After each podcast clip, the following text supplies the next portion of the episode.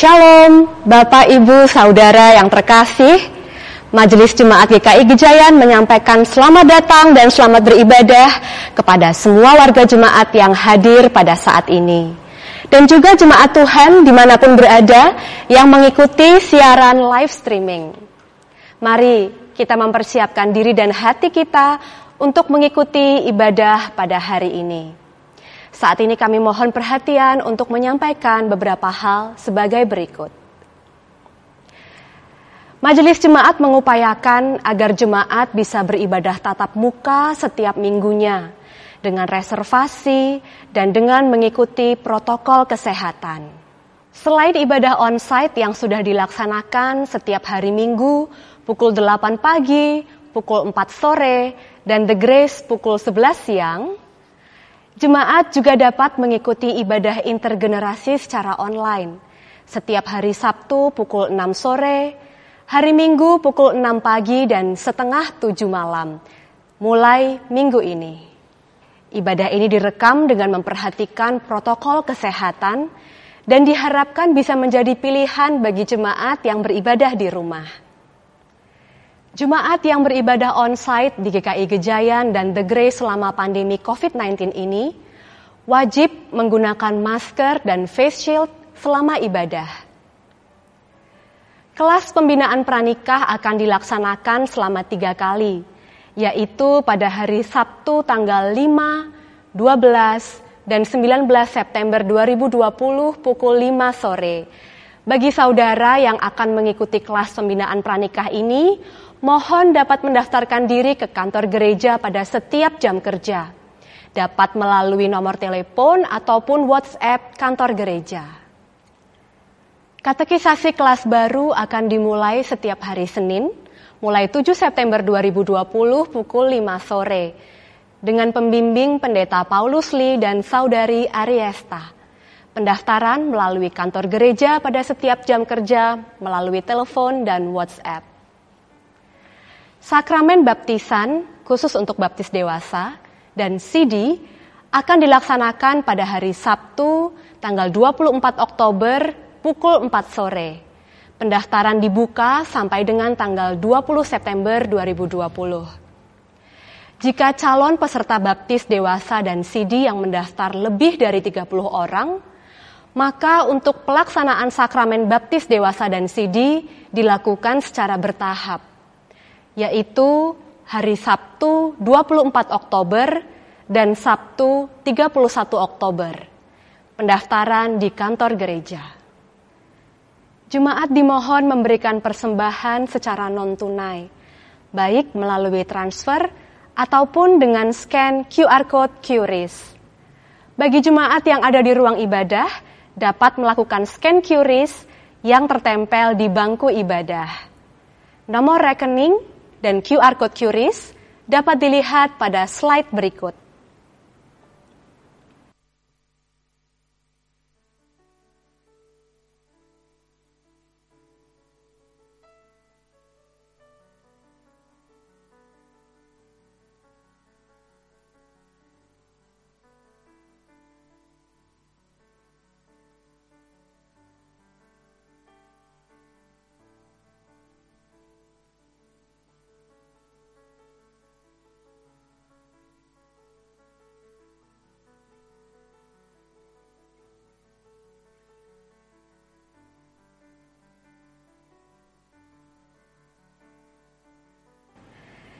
Gejayan Tetulung merupakan kegiatan untuk memfasilitasi pertumbuhan ekonomi jemaat.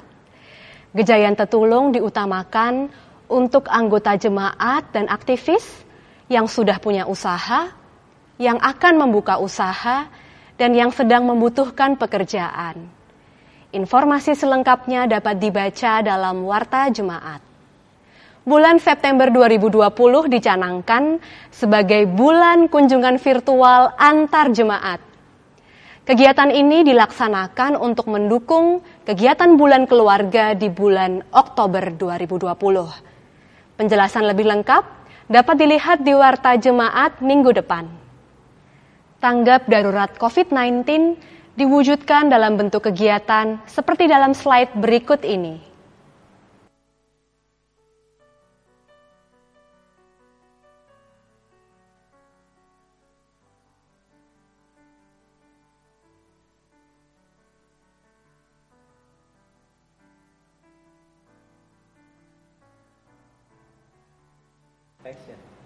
Apabila Bapak Ibu Saudara memerlukan informasi lebih lanjut, dapat menghubungi Saudara Esal.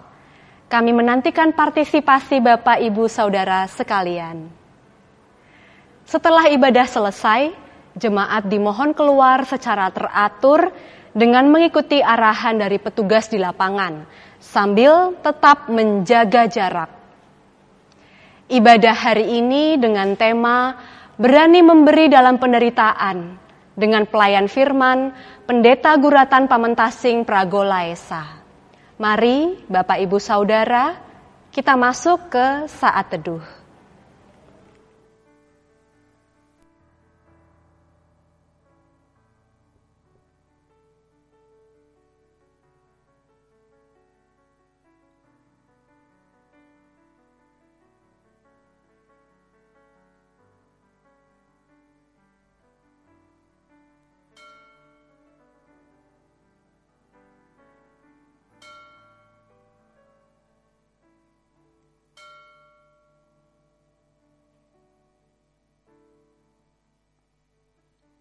Shalom jemaat terkasih.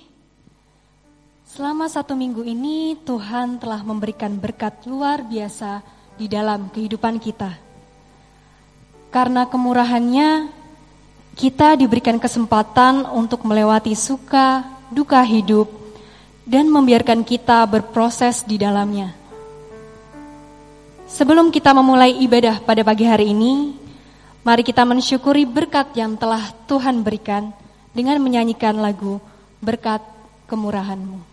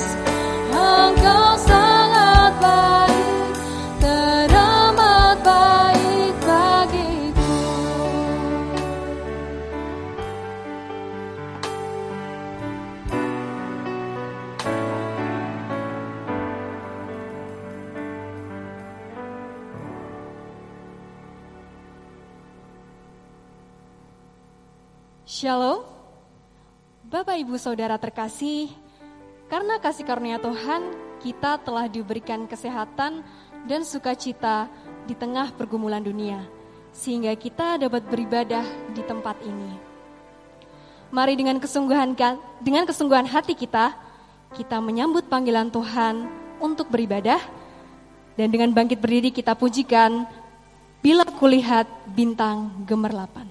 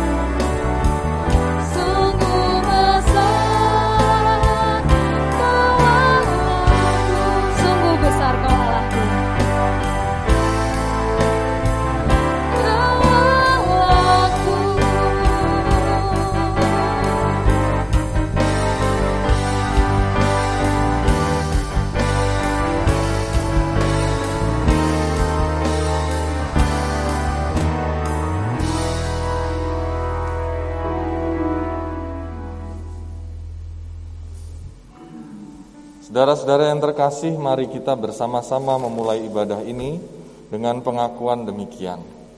Pertolongan kita adalah di dalam nama Tuhan yang menjadikan langit dan bumi, yang kasih setianya tetap untuk selama-lamanya, yang memelihara umat manusia di tengah pergumulan dan goncangan kehidupan.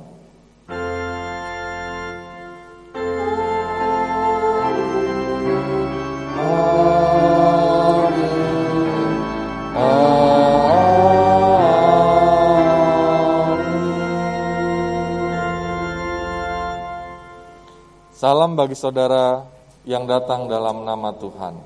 Tuhan besertamu. Dan besertamu. Jemaat dipersilahkan duduk. Jemaat yang terkasih, di dalam menjalani kehidupan, sering kali kita terlalu mengandalkan kemampuan kita sendiri, yang terkadang membuat kita semakin menjauh dari Tuhan dan akhirnya jatuh ke dalam dosa.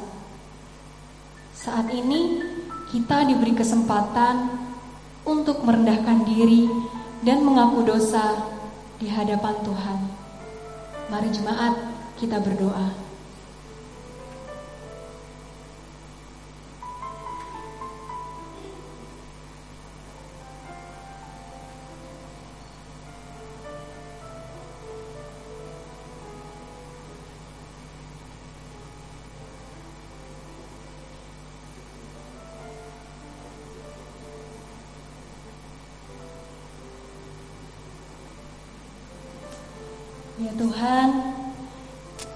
Kami mengakui semua dosa dan kesalahan kami.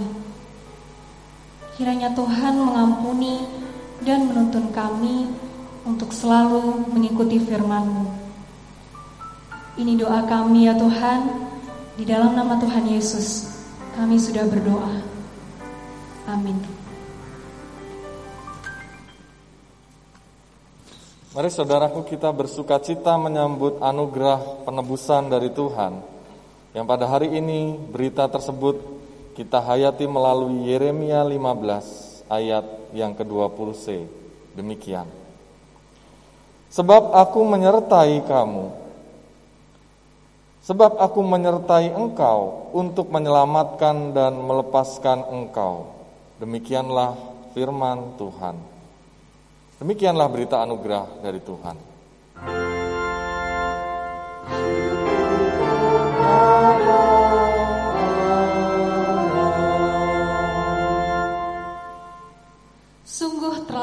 Dahsyat Allah kita. Mari kita sujud menyembah dan meninggikan namanya. Allahku dahsyat.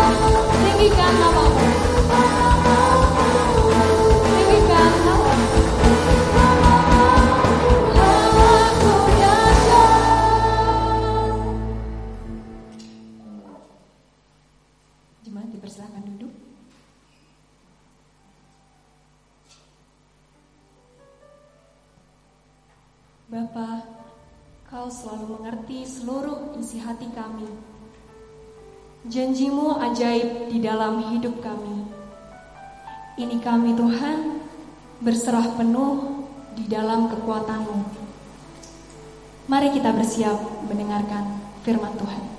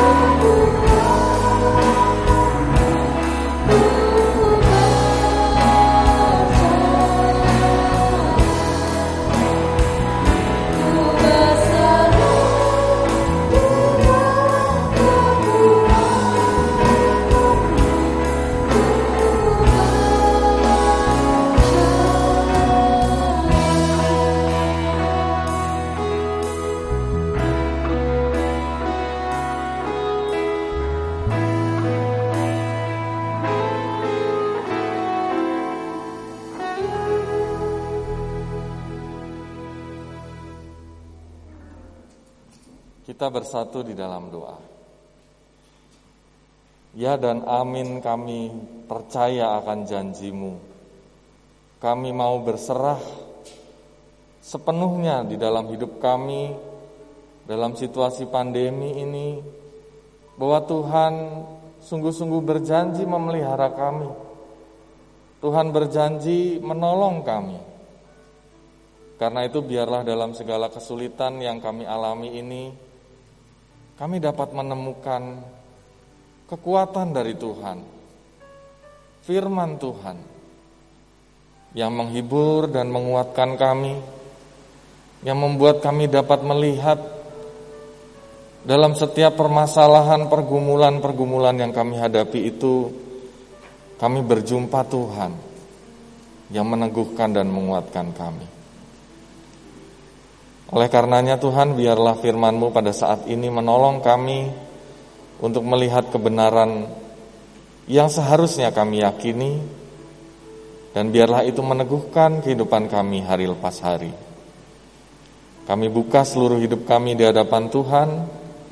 Berfirmanlah ya Bapa, kami siap menjadi pendengar dan pelaku firman yang setia. Dalam Kristus Yesus, kasih sayang Allah Bapa, pertolongan Roh Kudus, kami berdoa. Amin.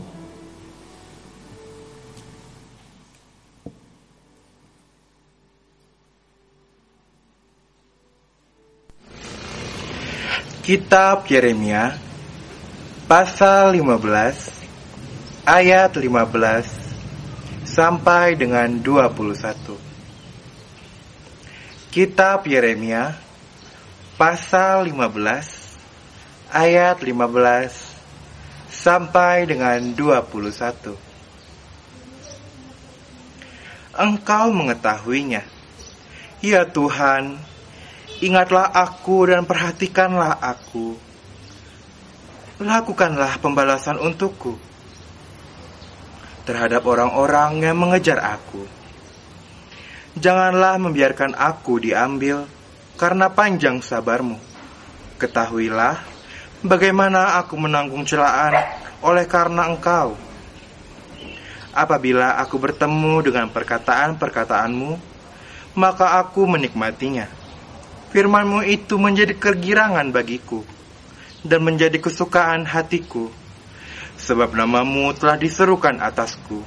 Ya Tuhan, Allah semesta alam. Tidak pernah aku duduk beria-ria dalam pertemuan orang-orang yang bersendau gurau. Karena tekanan tanganmu, aku duduk sendirian. Sebab engkau telah memenuhi aku dengan geram. Mengapakah penderitaanku tidak berkesudahan dan lukaku sangat payah, sukar disembuhkan? Sungguh, engkau seperti sungai yang curang bagiku, air yang tidak dapat dipercayai. Karena itu beginilah jawab Tuhan. Jika engkau mau kembali, aku akan mengembalikan engkau menjadi pelayan di hadapanku dan jika engkau mengucapkan apa yang berharga dan tidak hina, maka engkau akan menjadi penyambung lidah bagiku. Biarpun mereka akan kembali kepadamu, namun engkau tidak perlu kembali kepada mereka. Terhadap bangsa ini, aku akan membuat engkau sebagai tembok berkubu dari tembaga. Mereka akan memerangi engkau, tetapi tidak akan mengalahkan engkau sebab aku menyertai engkau untuk menyelamatkan dan melepaskan engkau. Demikianlah firman Tuhan. Aku akan melepaskan engkau dari tangan orang-orang jahat dan membebaskan engkau dari genggaman orang-orang lalim. Demikianlah sabda Tuhan.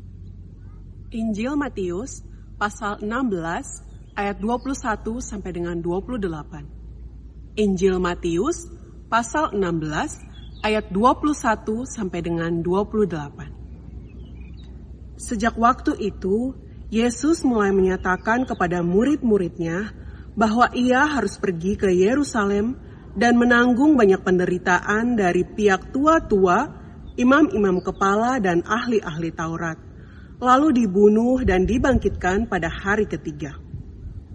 Tetapi Petrus menarik Yesus ke samping dan menegur dia. Katanya, Tuhan, kiranya Allah menjauhkan hal itu. Hal itu sekali-kali tak akan menimpa engkau. Maka Yesus berpaling dan berkata kepada Petrus, Enyahlah iblis, engkau suatu batu sandungan bagiku. Sebab engkau bukan memikirkan apa yang dipikirkan Allah, melainkan apa yang dipikirkan manusia. Lalu Yesus berkata kepada murid-muridnya, "Setiap orang yang mau mengikut Aku, ia harus menyangkal dirinya, memikul salibnya, dan mengikut Aku. Karena barang siapa mau menyelamatkan nyawanya, ia akan kehilangan nyawanya." Tetapi barang siapa kehilangan nyawanya karena aku, ia akan memperolehnya. Apa gunanya seorang memperoleh seluruh dunia, tetapi kehilangan nyawanya? Dan apakah yang dapat diberikannya sebagai ganti nyawanya? Sebab anak manusia akan datang dalam kemuliaan Bapaknya, diiringi malaikat-malaikatnya. Pada waktu itu, ia akan membalas setiap orang menurut perbuatannya. Aku berkata kepadamu, sesungguhnya di antara orang yang hadir di sini, ada yang tidak akan mati sebelum mereka melihat anak manusia datang sebagai raja dalam kerajaannya. Demikianlah Injil Yesus Kristus. Berbahagialah saudara yang menerima berita Injil, menyimpan dalam hati, dan melakukannya dalam setiap hari. Haleluya!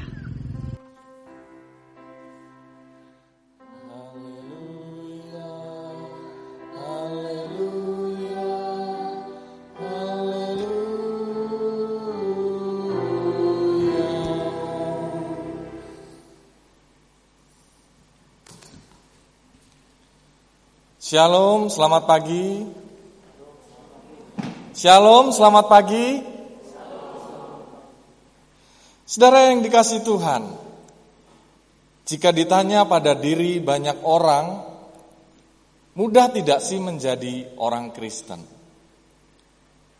Banyak jawaban yang muncul terhadap pertanyaan ini. Tetapi saya yakin sebagian orang akan menjawab, ya mudah-mudah saja. Sebab bukankah menjadi orang Kristen itu artinya kita pergi ke gereja, beribadah online, bernyanyi memuji nama Tuhan, mendengarkan khotbah, dikuatkan oleh Tuhan, menerima berkat, bertemu dengan teman-teman, dan seterusnya. Tentunya tidak ada yang salah dengan semua ungkapan itu. Itu adalah sukacita kita ketika kita menjadi Kristen. Tetapi pertanyaannya, apakah menjadi orang Kristen hanya demikian? Apakah menjadi pengikut Kristus hanya sesuatu hal yang indah, menyenangkan, sesuatu hal yang kita lihat akan kita terima dari Tuhan? Saudara yang dikasih oleh Tuhan, pada hari ini Injil Matius di pasal yang ke-16 ternyata memperlihatkan bahwa Tuhan Yesus justru memberitakan suatu tahan standar tertentu untuk seseorang menjadi Kristen. Dan standar itu diperkatakannya dengan begitu konkret. Ada tiga hal kita mendapati. Setiap orang yang mau mengikut aku, ia harus menyangkal dirinya memikul salib, dan mengikut aku. Apa arti dari ekspresi Tuhan ini? Kalau kita melihat, ternyata kalau kita memperhatikan kata menyangkal diri, itu artinya bahwa kita mau melepaskan segala kesenangan pribadi untuk sungguh-sungguh menempatkan Allah sebagai pusat hidup kita. Menempatkan firman Allah sebagai sesuatu yang kita pegang seutuhnya. Seumur hidup kita berupaya untuk melepaskan hawa nafsu kita, ego kita, dosa-dosa lama yang masih kita pertahankan untuk menjadi manusia baru di dalam pikiran kita, tetapi juga di dalam keseharian kita. Ketika kita meresponi sesuatu di sekitar kita, perkataan apa yang muncul Ketika kita melihat sesuatu hal, apakah kita melihatnya dengan sudut pandang kacamata Allah? Bahwa segala sesuatunya adalah baik, bahwa kita bisa berpikir perilaku orang yang pada umumnya dinilai mengganggu justru mendidik kita. Dan seterusnya. Artinya, menyangkal diri itu justru menempatkan Allah sebagai pusat di dalam pikiran kita. Kita tidak lagi menjadi manusia seperti manusia biasa di dunia ini, tetapi manusia berasal dari Allah dan meresponi segala sesuatu dengan apa yang Allah rindukan bagi kita. Dengan demikian kita rindu juga untuk melepaskan diri dari segala hambatan dosa yang membelenggu. Yang kedua saudara, apa arti dari memikul salib? Memikul salib itu artinya, ya bisa diganti slide-nya. Memikul salib itu artinya dengan sadar mau menanggung segala akibat yang ditimbulkan karena kita mempertahankan iman kepada Yesus Kristus. Misalnya karena jadi pengikut Kristus, kita diperlakukan berbeda oleh oknum-oknum yang tidak suka dengan perbedaan. Memandang orang itu selalu dengan sara. Ah dasar kamu Jawa, Batak, Tionghoa, Cina dan seterusnya. Ah dia itu orang Kristen ya. Bahkan dibenci karenanya juga. Karena identitas kita sebagai orang Kristen, oknum tertentu bahkan mempersulit dalam pekerjaan, membedakan, tidak mendapatkan situasi yang sama bahkan ya dicurangi di dalam pekerjaan atau bisnis kita karena alasan-alasan tersebut. Nah, jika ini terjadi, kita jangan berkecil hati. Jangan lalu cepat mutung, marah. Bahkan kita meninggalkan tempat pekerjaan, kita resign, pindah lagi di tempat yang lain. Pindah tempat tinggal. Ya. Tetapi justru panggilan memikul salib itu mengajak kita bertekun. Bahwa itu memang berat. Salib yang Tuhan pikul itu 3 meter beratnya 15 kilo paling tidak. Tetapi bukan hanya itu. Tetapi di dalam kehidupan kita, kita harus memang mau memikul yang sama seperti yang Yesus lakukan. Dengan kita bertekun, kita sedang memberitakan tentang kasih yang sama. Kasih Allah yang rela untuk memikul apa yang tidak seharusnya ia pikul karena ia mengasihi orang-orang yang ada di sekitarnya. Karena ia mengasihi dan mencintai dunia. Dengan demikian kita diajak untuk bertekun, berkesempatan menunjukkan kasih Kristus dengan membalas kejahatan dengan kebaikan. Dengan mendoakan orang-orang yang melukai atau berbuat jahat kepada kita. Hati masih bisa terluka, amarah masih bisa tersisa, tetapi tangan yang terlipat harus selalu kita jaga. Agar kita selalu bisa mendoakan orang-orang yang demikian sebagai sesuatu yang kita percaya bahwa mereka akan melihat salib Kristus ketika kita melakukannya. Dan akhirnya mereka sendiri pun melihat Kristus dan diubahkan oleh Kristus untuk dapat merasakan kebencian menjadi persahabatan, pembeda-bedaan menjadi persaudaraan, dan itu bermula dari cinta yang kita tunjukkan melalui salib yang kita pikul. Yang terakhir, syarat dari Yesus sendiri adalah mengikut dia. Mengikut dia itu artinya meniru apa yang ia lakukan dalam hidup sehari-hari. Ketika Yesus taat pada rencana Bapa, ia harus menderita, harus mati, ia rela melakukannya. Sedemikian kita juga. Kita pun sabar menjalani kesulitan hidup sebab kita tahu bahwa rencana Sang Bapa adalah baik, bukan hanya untuk kita sendiri, tetapi untuk orang-orang yang rindu mengenal Bapa melalui ketekunan kita. Ketika Yesus mengampuni dan membenci orang yang menganiaya dirinya, kita pun mengampuni orang yang berbuat jahat. Ketika Yesus memperhatikan orang-orang asing yang tidak penting, orang-orang yang menyebalkan, orang-orang yang dianggap pengganggu dan tidak mempunyai teman, setiap kali masuk di gereja, di persekutuan, dianggap orang-orang yang aneh. Mungkin justru kepada orang-orang yang demikian. Kita diajak untuk menjadi sahabat bagi mereka. Dengan demikian kita menjadikan Kristus itu sungguh-sungguh dikenali melalui setiap perjumpaan-perjumpaan yang kita lakukan dengan orang lain. Nah inilah inilah saudara yang disebut dengan sangkuli. Ya. Sangkal diri, pikul salib, ikut Yesus. Kata-kata sangkuli ini mengingatkan kita bahwa kita ini memang adalah sangkuli. Kuli itu menunjuk kepada orang pekerja yang melakukan segala sesuatu dengan menggunakan tenaganya. Dan bahwa ia berada di, di bawah satu komando Nah, kita teringat bahwa kita hidup ini memang bukan untuk menunjukkan siapa diri kita, tetapi siapa yang mengkomando diri kita. Bahwa kita memang hidup untuk merendahkan hati, bekerja keras, berkorban, tetapi kita tahu bahwa dengan demikian kita justru sedang menunjukkan sang komando itu. Dan pada akhirnya kita dinyatakan dengan sang kuli. Si kuli itu akhirnya dimuliakan Allah melalui pekerjaannya. Saudaraku yang dikasih oleh Tuhan, ketiga hal ini tidak boleh dipisahkan satu dengan yang lain. Kita tidak bisa menjadi orang Kristen diskonan. Ah, saya mau ikut Yesus. Saya mau pikul salib, tapi sangkal diri masih susah ya Pak Pendeta, nanti dulu. Ah, saya mau ikut Yesus. Kalau sangkal diri itu sudah dari kecil, tapi nanti dulu untuk pikul salib, berkorban. Saya masih punya banyak kesibukan.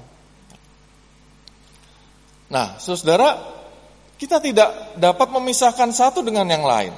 Kita membiarkan kebiasaan lama masih terus kita nikmati di dalam gereja kita beribadah melayani. Baru dari keluar gereja, kita kemudian mengeluh, cepat putus asa, membicarakan orang lain sebagai pihak yang membuat kita menderita.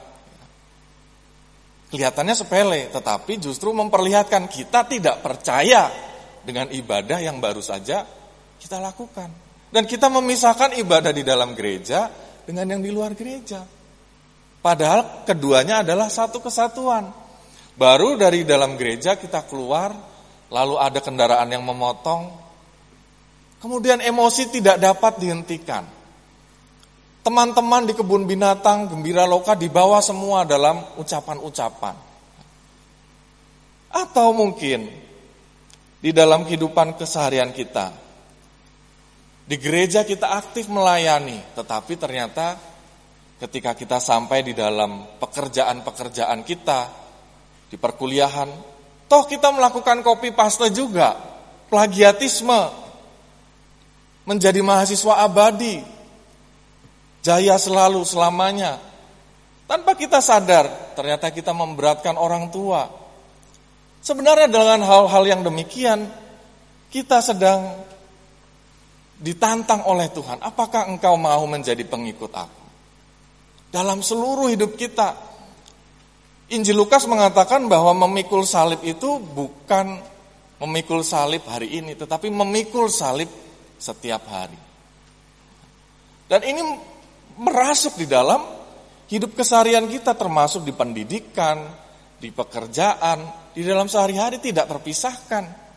Bukankah terkait hal pendidikan, kita mendapati sesuatu hal yang menarik akhir-akhir ini. Situasi pandemi ini membuat kita melihat bahwa katanya demikian ya. Bolos sebelum 2020 itu dengan cara memanjat pagar ya. Lalu diam-diam keluar dari kelas dan tiba-tiba menggunakan jurus langkah kaki seribu bayangan ya tiba-tiba tidak ada tapi di tahun 2020 itu hanya dengan menunjukkan dua logo di atas ya menonaktifkan fitur audio dan video di sekolah online kita. Lalu mengajukan alasan maaf bu kalau saya pakai videonya nanti koneksinya putus-putus. Pilih mana bu? Ya. waduh yang suruh milih gurunya ya. Dan pada akhirnya setelah itu bisa disambi dengan yang lain, ditinggal tidur, wah nikmat sekali. Nah saudaraku dalam hari-hari ini rupanya tanpa sadar kita menjadi orang Kristen diskonan, mengurangi apa yang seharusnya menjadi tugas kita untuk mengikut Kristus. Bisa juga ini terjadi dalam janji-janji hidup kita. Wah selama pandemi saya mau berolahraga, hidup sehat, beli sepeda baru, untuk olahraga. Tapi bisa jadi sepedanya belum dibuka plastiknya. Ya. Bannya itu belum menyentuh jalanan di depan rumah kita. Ataupun kalaupun kita pakai mungkin hanya dua minggu pertama setelah itu ya diparkir dengan cantik di rumah. Bisa jadi justru baju-baju kita sudah mulai sesak. Olahraga hanya angan-angan, begadang adalah kegiatan sehari-hari, makan selalu lupa diri. Kalau ditanya, katanya lagi diet. Jawabannya, kan diet selalu dimulai besok. Ya. Besoknya ditanya begitu lagi jawabnya. Diet kan selalu dimulai besok. Ya. Satu hari ada orang yang teguh dengan prinsip diet. Kemudian ia memesan pizza.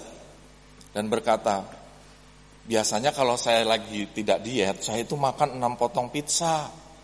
Sekarang karena lagi diet cukup tiga potong saja. Ya. Nggak taunya ukurannya sama ya. Nah ini berarti tidak ada sesuatu yang berubah dari diri kita.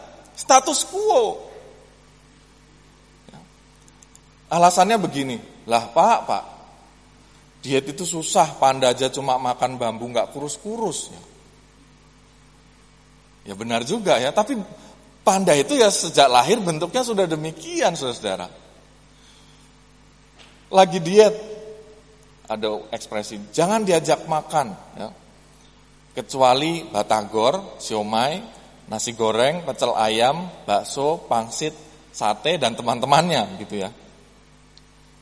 Pertanyaannya ini diet atau perbaikan gizi? Ya.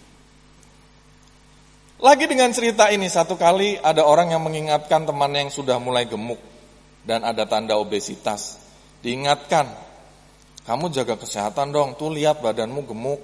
Kamu tahu kan bahwa tubuh kita ini bait Allah harus dijaga.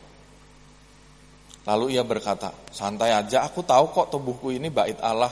Nah, aku termasuk bait Allah yang besar. Kalau istilahnya sekarang mega church. Ya. Nah, saudara ternyata ia meyakini tubuh yang subur dan e, subur dan gemuk itu adalah seperti mega church, gereja besar gitu ya. Tidak ada yang salah sebenarnya dengan gemuk dan kurus bagi saya, tetapi bacaan-bacaan atau apa yang kita lihat barusan ini mengingatkan kita bahwa kita harus menjaga pola hidup secara sehat. Kita harus menekuni dan melakukan hal yang sama seperti apa yang sudah kita janjikan. Dan itu adalah bagian dari menyangkal diri. Memang tidak enak, menderita, tidak gampang mengikut Kristus, tapi saya mau melakukan supaya saya sehat. Tapi saya mau melakukan supaya dunia di sekitar saya melihat kasih Kristus. Tapi saya mau melakukan supaya dunia ini menjadi lebih baik. Dan itulah artinya sangkuli itu. Sangkali diri. Pikul salib. Ikut dia setiap hari. Nah saudara kalau kita mau menjadi orang Kristen yang masih pilih-pilih. Kita serupa dengan Petrus dalam pergumulannya. Satu kali Petrus berkata kepada Yesus ketika Yesus mau menderita masuk Yerusalem. Dia tahu siapa itu Yesus. Yesus adalah Mesias. Tetapi Yesus akhirnya menegur Petrus yang mengurungkan niatnya untuk menderita. Dengan kata-kata yang begitu lugas, enyahlah iblis. Engkau memikirkan apa yang dipikirkan oleh manusia, tetapi tidak memikirkan apa yang dipikirkan oleh Allah.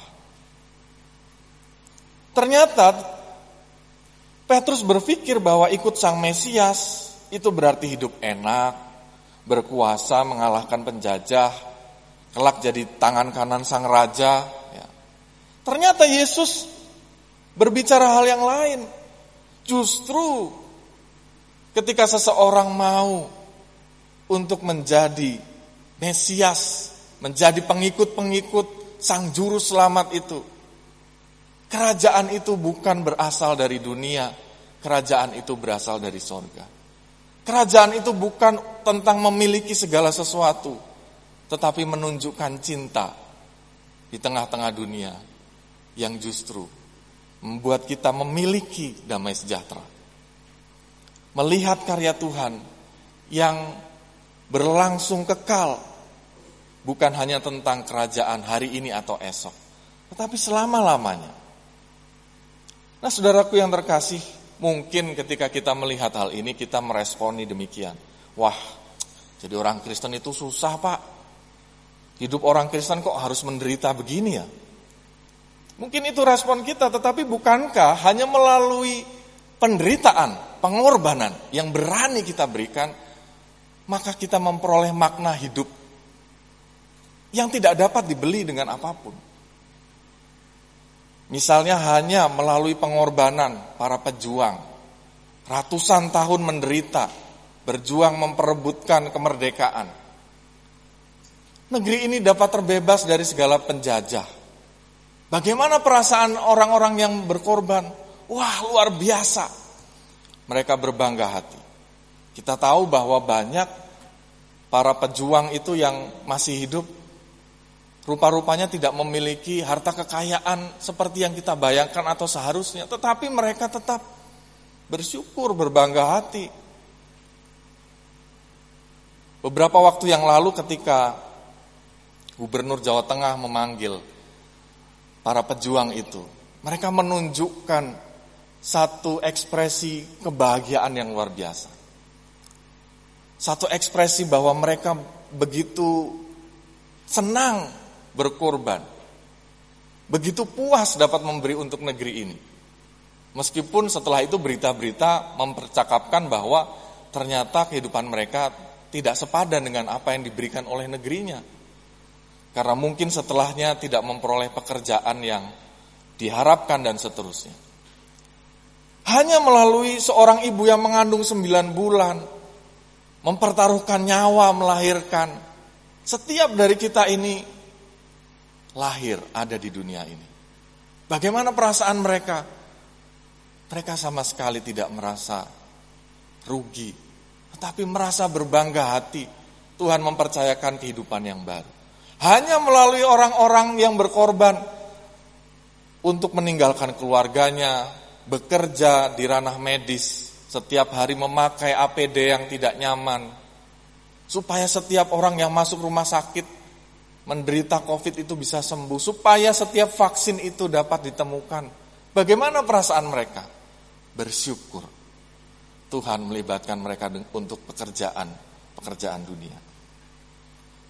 Nah saudara yang dikasih oleh Tuhan, apakah kita pun mau memandang bahwa menyangkali diri, memikul salib yang berat sebagai kesaksian kita, mengikut Yesus justru adalah panggilan kehormatan. Yang membuat kita menemukan hal-hal yang indah yang tidak dapat kita beli dengan uang. Satu ketika, saudara-saudara, Martin Luther King Jr., seorang pendeta yang melayani di Amerika melalui gereja baptis. Ia lahir tahun 1929 dan meninggal dunia tahun 1968. Atau sekitar hanya 39 tahun ia hidup. Tetapi saudara, ia memutuskan dalam situasi pelayanan di gereja bahwa panggilan saya bukan di sini atau bukan hanya di sini. Panggilan saya adalah di tempat-tempat yang tidak nyaman, di jalan-jalan. Ketika orasi-orasi tentang kebencian itu didengungkan untuk melawan warga kulit putih oleh warga kulit hitam. Di sanalah saya harus melayani. Ternyata pada waktu itu diskriminasi kulit sangat kuat, perbudakan terhadap orang kulit hitam begitu mendominasi. Maka ia menimbal, meninggalkan kenyamanannya itu untuk menuju tempat-tempat orasi itu. Dia memperjuangkan selama 14 tahun masa pelayanannya itu untuk berada di jalanan. Di panas-panas suasana yang sedang ada itu dia mengatakan, jika saudara hari ini datang dengan senjata untuk berperang, maka mari kita pulang lebih dulu untuk meletakkan itu semua dan kita kembali memperjuangkan kesetaraan itu tanpa kekerasan. Lalu ia membuat satu orasi yang sangat terkenal yang berjudul I Have a Dream. 17 menit saja tanggal 28 Agustus, dua hari yang lalu kita memperingatinya, dia mendengungkan itu hingga dunia begitu terpukau akan semangat kesetaraan, akan mimpinya bahwa anak-anaknya entah budak atau mantan budak dengan pemilik budak dapat duduk bersama. Orang-orang yang kemudian orang hitam ataupun kulit putih dapat bekerja sama dan seterusnya. Orasi ini disambut dengan hangat sampai lima tahun kemudian. Ternyata akibat dari orasi-orasi ini ada peluru yang menembus tubuhnya. Saat itu, ia sedang beristirahat di balkon kamarnya. Pada saat itu ia kehilangan nyawanya. Apa yang terjadi saudara? Dunia begitu berduka. Amerika kehilangan seorang pria yang dapat mengubah pola pikir itu. Tetapi apakah nyawa dari Martin Luther itu tiada? Ternyata nyawa dari kesetaraan kebebasan itu justru hidup, justru diteruskan oleh Amerika dan dunia. Dunia justru mendapat satu pelajaran berharga bahwa tidak ada lagi orang yang boleh mati sebab ia memperjuangkan kebaikan. Kalau kita boleh mencakapi Martin Luther, saudara, apakah ia merasa menyesal karena terbunuh? Saya membayangkan jika ia bisa kita wawancara, mungkin ia akan mengatakan bahwa saya sama sekali tidak menyesal. Sebab nyawa kesetaraan yang ada dalam sanubari saya, kini hidup dalam tiap-tiap warga Amerika dan dunia. Sebab saya sesungguhnya tidak kehilangan hidup saya dan saya memang menemui hidup yang seharusnya yang saya peroleh di usia 39 tahun itu dengan cepat dan bahagia. Nah betul apa yang Tuhan katakan dengan memberi kita akan diberi. Setiap orang yang memberi nyawanya ia akan mendapatkannya. Karena barang siapa mau menyelamatkan nyawanya, ia akan kehilangan nyawanya. Ia akan kehilangan makna hidup ini. Sekedar menjalani hidup, sekedar eksis di dunia, hidup tetapi tidak mendapatkan makna hidup di dalam life, dalam kehidupan. Tetapi barang siapa kehilangan nyawanya karena aku, ia akan memperolehnya. Kita tentu tidak perlu memandang bahwa hidup kita akan berakhir menjadi seperti Martin Luther. Memberi nyawa tidak berarti kita harus memberikan hidup kita, nyawa kita, tetapi memberikan apa yang penting dan berharga untuk dunia ini. Sebab justru hanya dengan demikianlah dunia yang Tuhan cintai itu kemudian dipulihkan, bahkan kita juga diberikan kehidupan dan nyawa yang berarti di dunia ini. Oleh sebab itu di tengah pekerjaan ketika semua orang berlaku menyimpang, mungkin Tuhan memanggil saudara untuk tetap berlaku dengan lurus dan benar Menyangkali diri adalah satu kesaksian bahwa dengan kebenaran yang kita lakukan, Tuhan memelihara kita. Itulah menyangkali diri. Ketika di dalam pergaulan pekerjaan semua mendiskreditkan karena iman kita. Tetapi kita mau menekuninya, kita mau menunjukkan kasih, maka kita sedang memikul salib supaya semua orang mengenal salib itu dan diselamatkan olehnya. Ketika di dalam dunia ini sedang ingin mengikut apa yang lagi trending.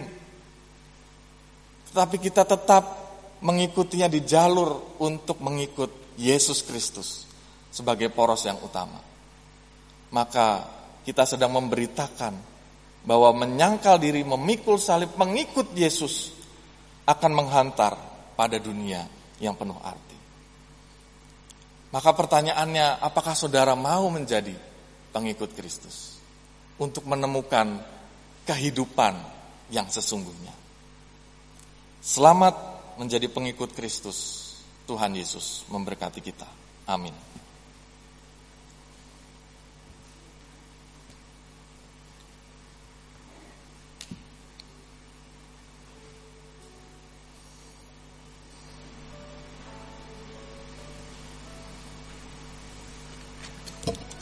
Saudaraku mari kita bersatu di dalam doa.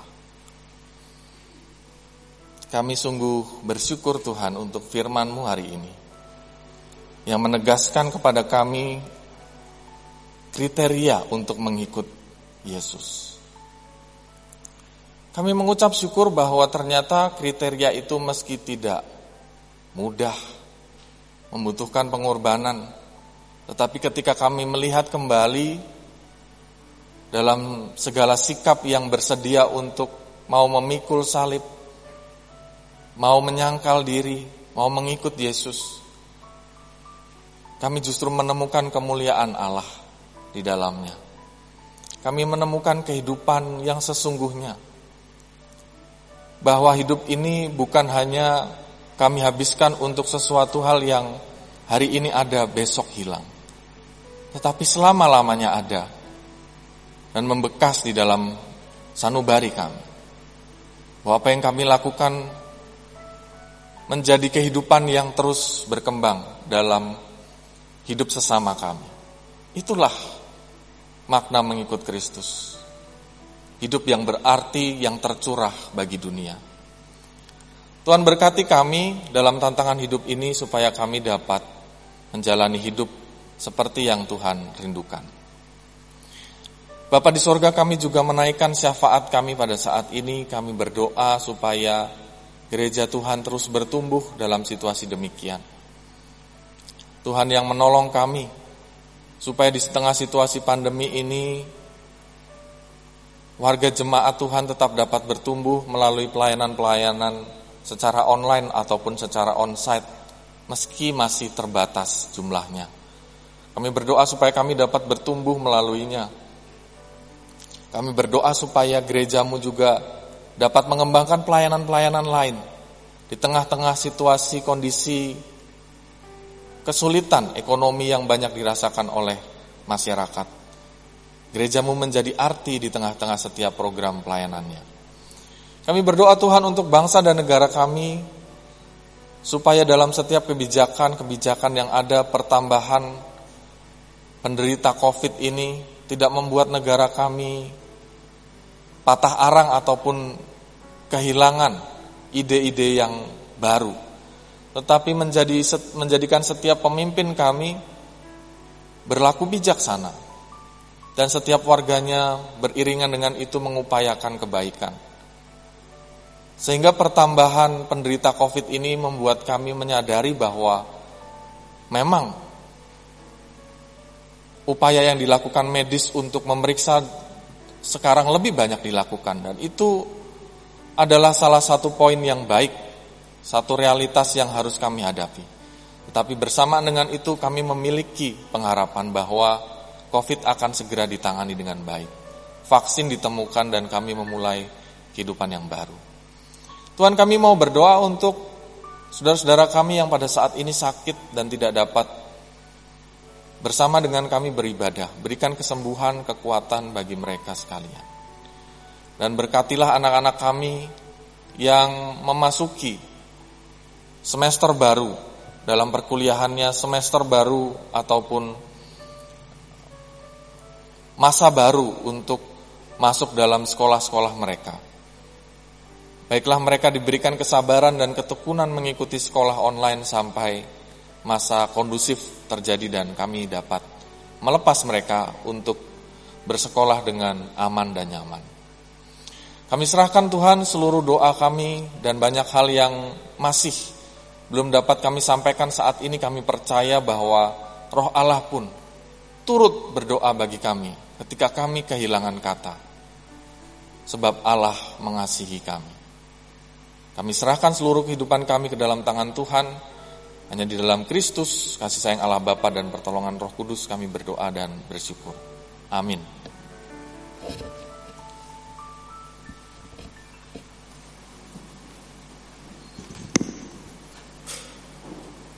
Mari Bapak Ibu Saudara sekalian kita mengikrarkan kembali pengakuan iman kita beserta dengan umat percaya seluruh dunia dengan mengucapkan seperti itu.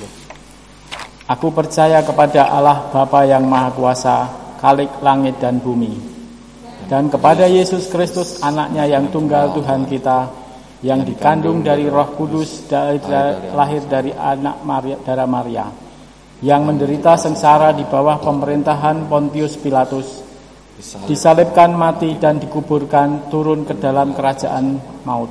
Pada hari yang ketiga bangkit pula dari antara orang mati, naik ke surga duduk di sebelah kanan Allah Bapa yang Maha Kuasa. Dan dari sana ia akan datang untuk menghakimi orang yang hidup dan yang mati. Aku percaya kepada Roh Kudus, gereja yang kudus dan am, persekutuan orang kudus, pengampunan dosa, kebangkitan orang mati, dan hidup yang kekal. Amin. Silahkan duduk.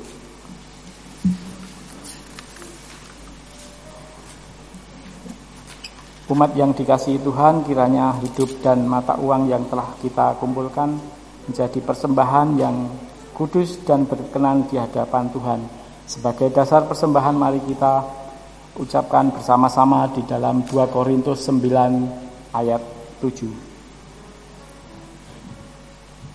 Hendaklah masing-masing menurut kerelaan hatinya, jangan dengan sedih hati atau karena paksaan, sebab Allah mengasihi orang yang memberi dengan sukacita. Marilah kita berdiri dan bersama menyerahkan persembahan dengan mengucapkan bagi Tuhanlah kami mempersembahkan hidup dan karya kami.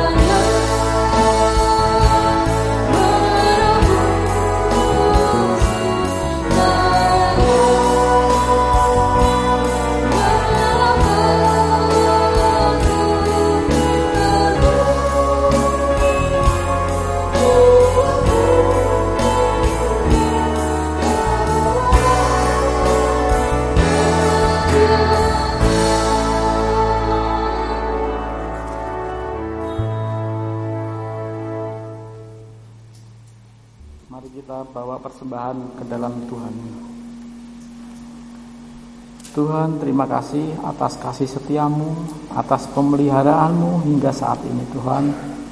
Terlebih Tuhan atas berkat-berkat yang Engkau berikan buat kami. Tuhan, kalau saat ini kami ingin membawa persembahan ini, biarlah persembahan ini bisa menjabat menjadi kemuliaan-Mu di bumi ini. Juga Tuhan, ampuni kami Tuhan, jikalau di dalam kami mempersembahkan terselip dosa. Ampuni kami Tuhan dan hanya di dalam nama Tuhan Yesus kami naikkan doa persembahan ini. Amin. Silakan duduk kembali.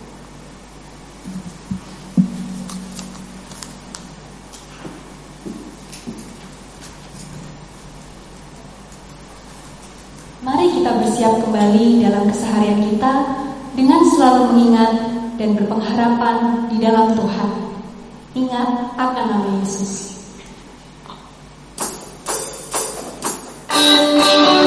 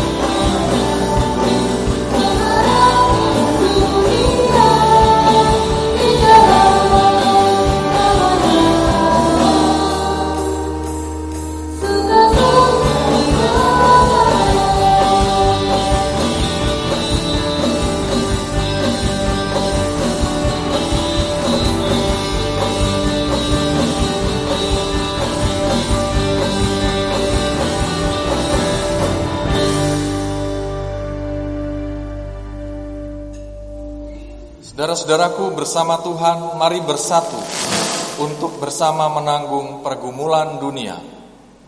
Kami bersedia bersatu untuk bersama menanggung pergumulan dunia. Bawalah penghiburan dan pengharapan dari Tuhan bagi sesama. Kami mau menjadi alat penghiburan dan pengharapan dari Tuhan bagi sesama. Terangilah dan garamilah keluarga serta dunia. Kami bersuka cita menjadi terang dan garam dunia.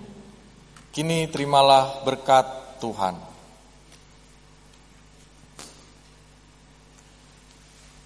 Tuhan memberkati engkau dan melindungi engkau. Tuhan menyinari engkau dengan wajahnya dan memberi engkau kasih karunia. Tuhan menghadapkan wajahnya kepadamu dan memberi engkau damai sejahtera. Amin.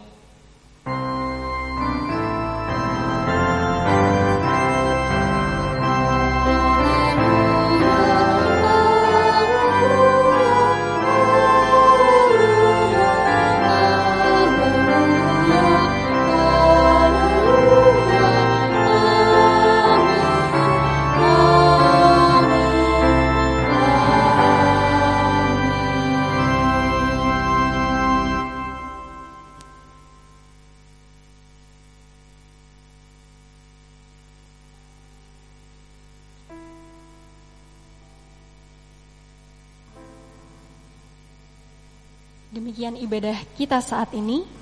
Selamat melanjutkan ibadah dalam keseharian kita. Tuhan Yesus memberkati.